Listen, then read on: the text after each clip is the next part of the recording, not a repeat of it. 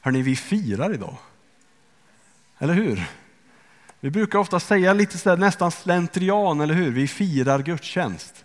Men kom ihåg det när du går på gudstjänst, så firar vi. Då är det fest. För vi firar att Jesus är uppstånden. Och det gör vi varje söndag, har ni tänkt på det? Anledningen till att vi har gudstjänst på just söndagar är för att vi firar att Jesus uppstod på en söndag. Så idag så gör vi det på ett lite särskilt sätt naturligtvis. Men varje söndag är en påminnelse om att han har uppstått för våran skull. Det är också därför söndag anses vara liksom vilodagen, den röda dagen i vårt land, i vår kultur. Om det inte hade varit för det Jesus gjorde, att han blev människa, kom till oss, gav sitt liv och uppstod igen, så hade vi inte haft den dagen som vilodag i vårt land. Vi ska läsa dagens text. Och konstigt nog så är den inte från en av, ett av evangelierna. Men Rasmus Ryefalk ska få läsa texten för oss, med oss. Och texten är hämtad från första Korintierbrevet. De första 23 verserna. Varsågod, jag ställer mig lite på sidan här. Tack. Jag tar och lyfter upp Bibeln här. Känner mig som en predikant nästan. Kom igen. Yeah. Yes, första är Korintierbrevet 15 och 1. Syskon, låt mig nu få påminna er om det glada budskapet som jag förkunnade för er och som ni tog emot och grundar er tro på och genom vilket ni ju räddas om ni bara håller fast vid min förkunnelse. För om ni inte gör det, då är er tro meningslös. Kärnan i det budskap som jag gav vidare till er och som jag själv hade tagit emot var följande. Kristus dog för våra synder i enlighet med skrifterna. Han begravdes, men på den tredje dagen eh, uppstod han från de döda i enlighet med skrifterna. Han visade sig för Kefas och sedan för de övriga av de tolv. Efter det visade han sig för mer än 500 troende på samma gång. De flesta av dessa lever fortfarande, men några av dem har somnat in. Lite senare visade han sig för Jakob och sedan för alla apostlarna. Allra sist visade han sig också för mig, som eh, är som ett ofullgånget foster. Jag är ju den minst betydande av alla apostlar och borde egentligen inte få kallas apostel alls, eftersom jag tidigare förföljde Guds församling. Men på grund av Guds nåd är jag nu vad jag är, och den nåd han visade mig har inte varit förgäves. Jag har arbetat hårdare än någon annan apostel, fast inte i egen kraft, utan tack vare Guds nåd som har varit med mig. Och om det nu jag, eh, var jag eller de andra apostlarna spelar ingen roll, för detta är vad vi förkunnar och detta är vad ni har kommit till tro på. Men om det nu förkunnas att Kristus har uppstått från de döda, hur kan då vissa av er påstå att det inte finns någon uppståndelse från de döda? Om ingen uppståndelse från de döda finns, då har ju inte heller Kristus uppstått. Och om Kristus inte uppstått, då är vår förkunnelse bara tomt prat, och er tro är också tom. Då avslöjas också vi som falska vittnen om Gud, eftersom vi har vittnat att Gud uppväckte Kristus från de döda, trots att han inte gjorde det, om man nu får tro att de döda inte uppstår. Kristus kan ju inte ha uppstått om inga döda uppstår.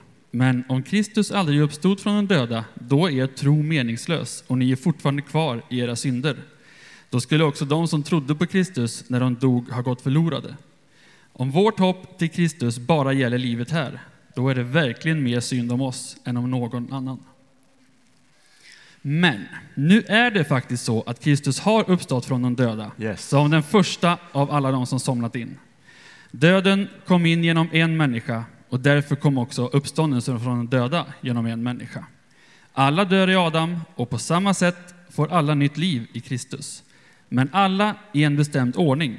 Kristus först och när han kommer tillbaka, alla de som tillhör honom.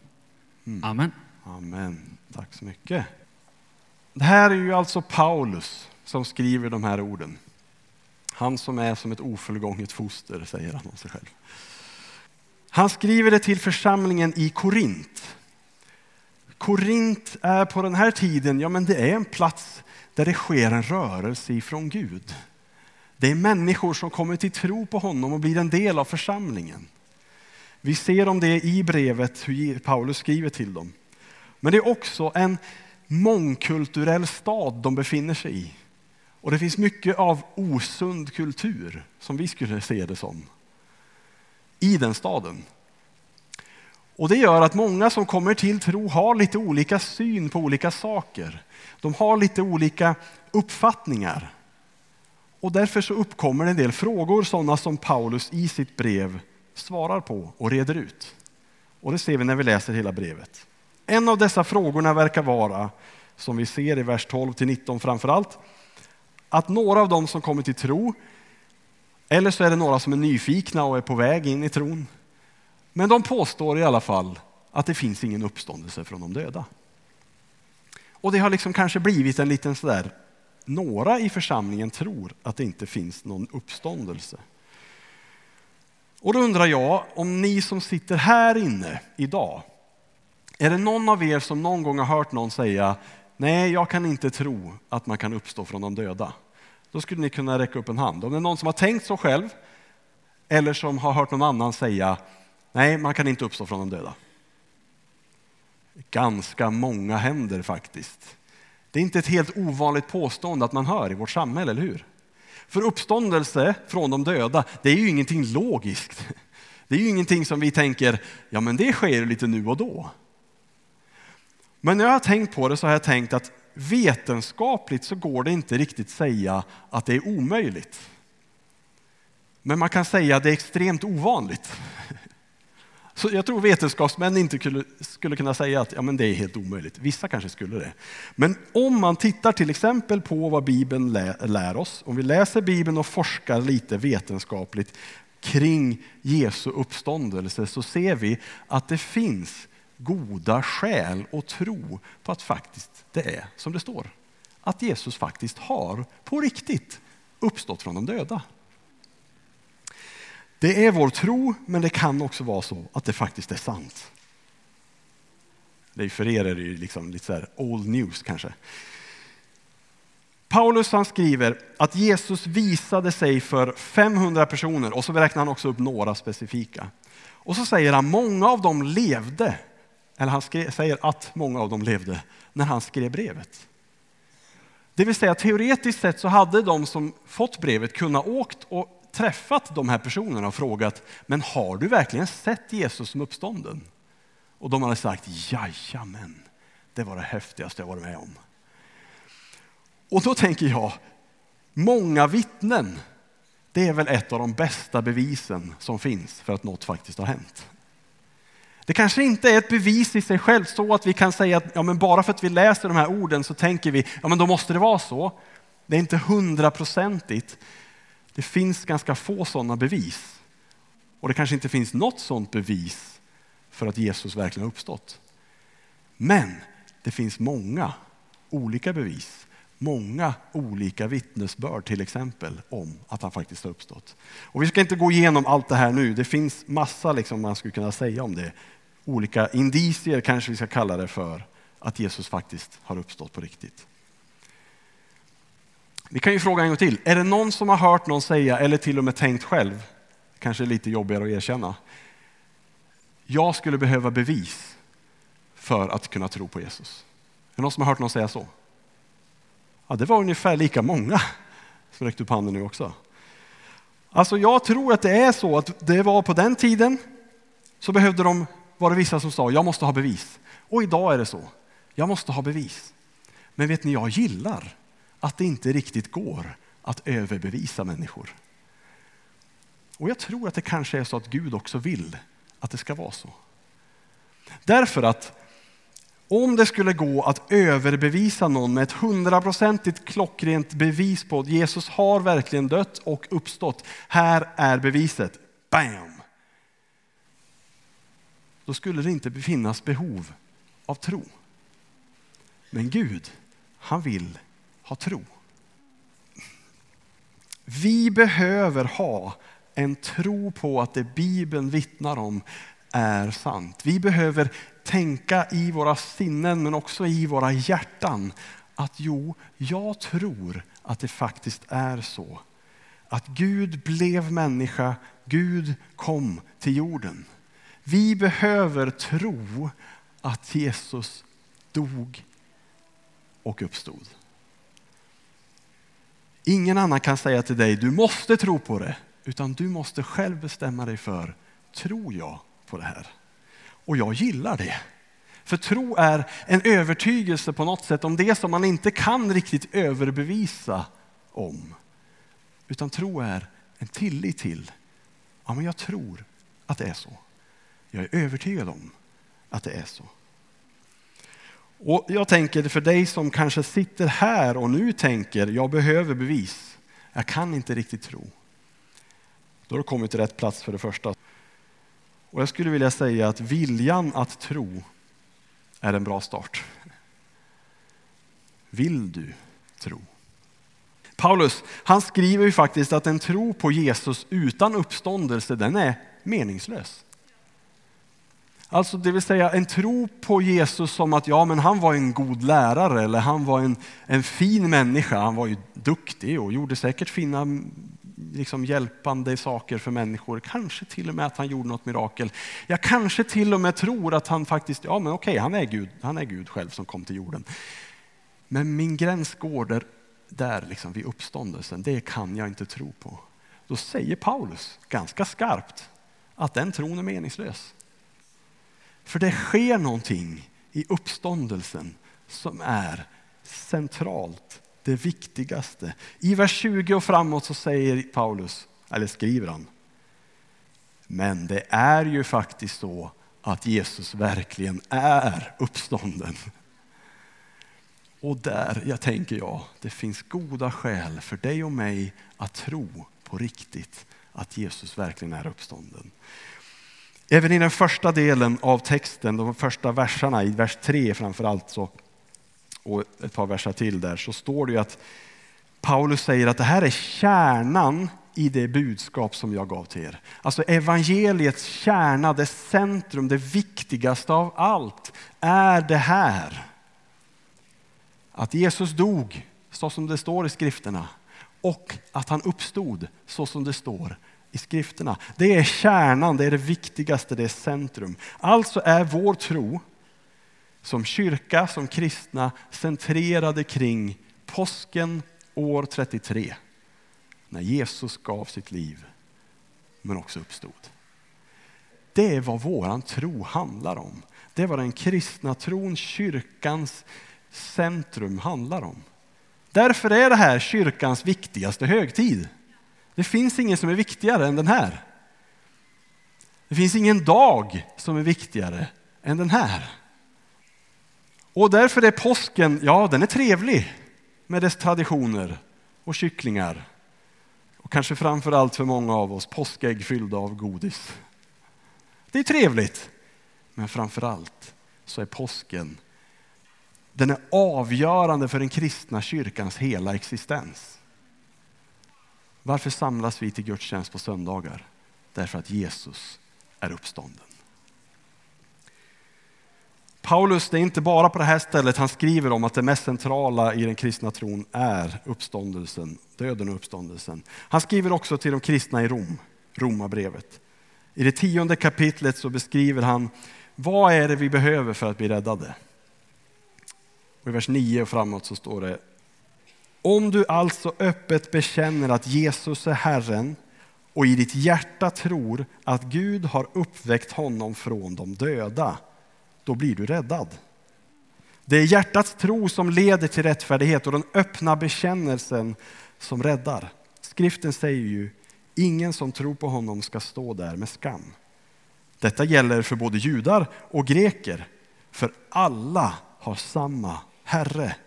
Han ger generöst av sitt goda till alla som åkallar honom.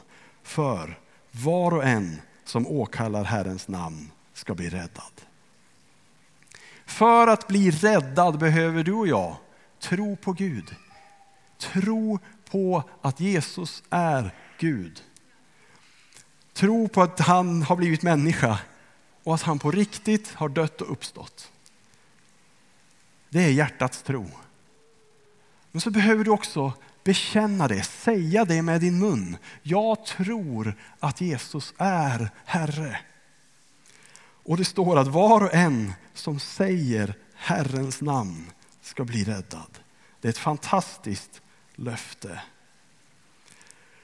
Tro i hjärtat, men inte behålla det som en hemlighet, utan också säga det ut. Det är liksom kyrkans, den kristna trons enkla recept, väg till räddning. Och det är ganska enkelt. Men samtidigt är det för många ett stort och kanske svårt steg. Om du finns här idag som funderar på, kan jag verkligen tro på det här? Kan jag verkligen ta det här steget? Som sagt, att vilja tro är ett bra första steg. Vi har ju läst Markus evangeliet. vi är mitt uppe i det, i det under den här våren. Vi har temat Följ mig.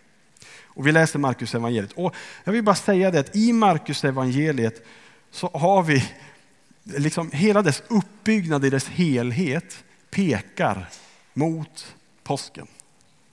Alltså Markus evangeliet är 16 kapitel långt. Vet ni hur många kapitel av de 16 som handlar om den här veckan, den här händelsen? Fem. I stora drag en tredjedel av hela den här boken. Boken utspelar sig under tre års tid när Jesus är med sina lärjungar. Fem av kapitel, alltså en tredjedel av boken handlar om en vecka.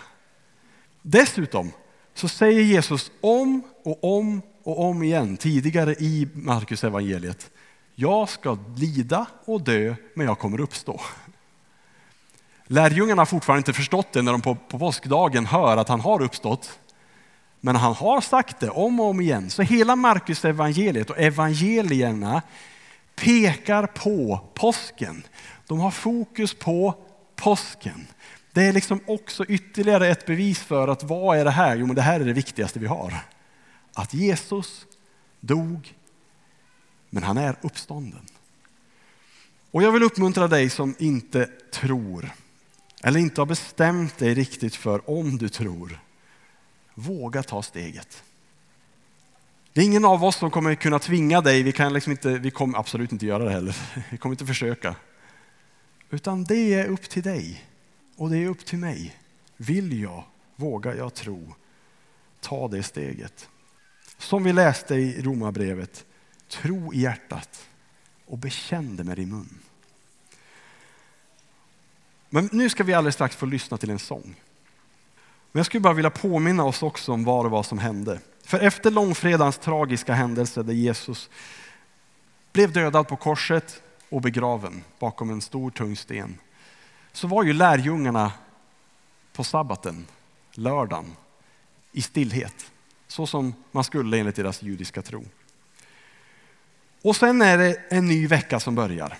Söndag kommer, gryningen kommer och då går några kvinnor, så fort de bara kunde och fick, så går de till graven. För de ska smörja Jesus kropp. Och Maria är en av dem. Och då står det i Lukas evangeliet, nu höll jag bara kalla det Lucia evangeliet. Det vet jag inte vad det är för något.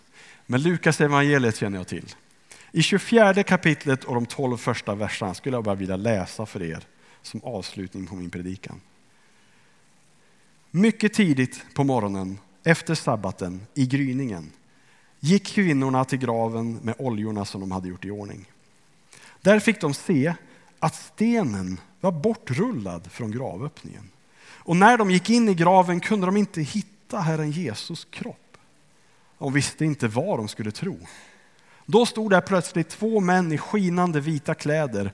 Kvinnorna blev förskräckta och bugade sig djupt, men männen frågade dem, varför letar ni efter den levande bland de döda? Han är inte här. Han har uppstått. Kommer ni inte ihåg vad han sa till er då han fortfarande var i Galileen? Att människosonen måste överlämnas till syndiga människor och korsfästas och uppstå på den tredje dagen. Då kom de ihåg att Jesus hade sagt detta. Och när de kom tillbaka från graven berättade de allt detta för de elva och för alla de andra. Det var Maria från Magdala och Johanna och Maria, Jakobs mor och flera andra som tillsammans berättade detta för apostlarna. Men de tyckte att det lät som tomt prat och trodde inte på det. Men Petrus sprang iväg till graven och när han böjde sig ner och tittade in såg han linnesvepningen ligga där och han gick därifrån förundrad över det som hade hänt. Amen.